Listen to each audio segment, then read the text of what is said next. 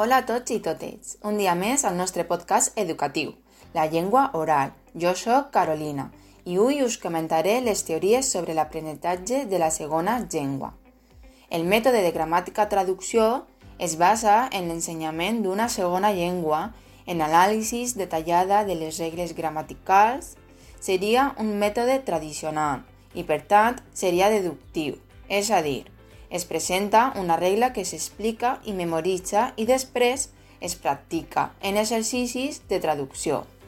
Quant al professor, és el principal protagonista. La seva funció consisteix a proporcionar coneixements lingüístics i corregir els errors produïts pels aprenents. Aleshores, l'estudiant, per contra, té un paper passiu i es limita a seguir les instruccions del professor. Després, la teoria lingüística estructural i el mètode audiolingual posa èmfasi en la llengua oral i en la comunicació com a funció essencial del llenguatge. Aleshores, l'ús del llenguatge és un comportament que s'aprèn a base de l'adquisició d'hàbits mitjançant conductes repetides, l'escolta i la memorització. El paper de l'aprenent és passiu i el professor i la professora té un paper actiu, perquè és qui controla i recondueix l'evolució de l'aprenentatge. A continuació, la teoria gramàtica generativa i enfocament cognitiu. Aquesta teoria parteix de la idea de l'existència d'una gramàtica universal per a totes les llengües on els parlants accedeixen al contingut a través del dispositiu d'adquisició del llenguatge.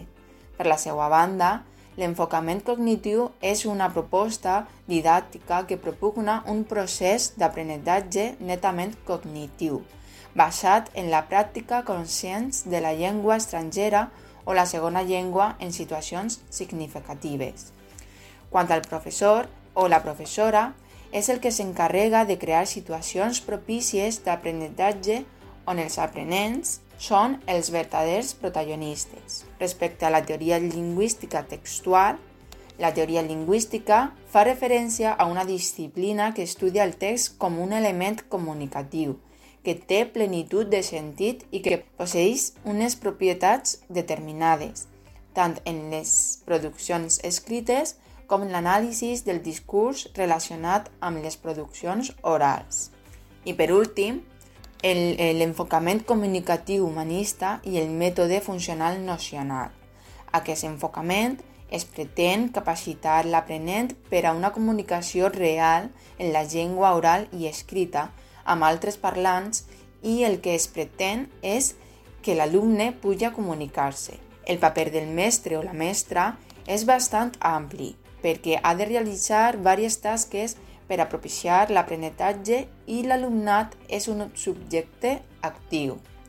Amb respecte del mètode funcional nocional, la metodologia se centra en les nocions generals, els quals són conceptes abstractes, i en les nocions específiques, que són objectes i realitats concretes, que estan més associades a determinades situacions comunicatives. I fins així l'episodi d'avui. Esperem que vos hagi resultat interessant i que hagueu pogut ampliar els vostres coneixements sobre la llengua oral. Gràcies per compartir amb nosaltres aquest espai i us esperem la pròxima setmana. I recordeu, no amagueu la llengua, useu-la.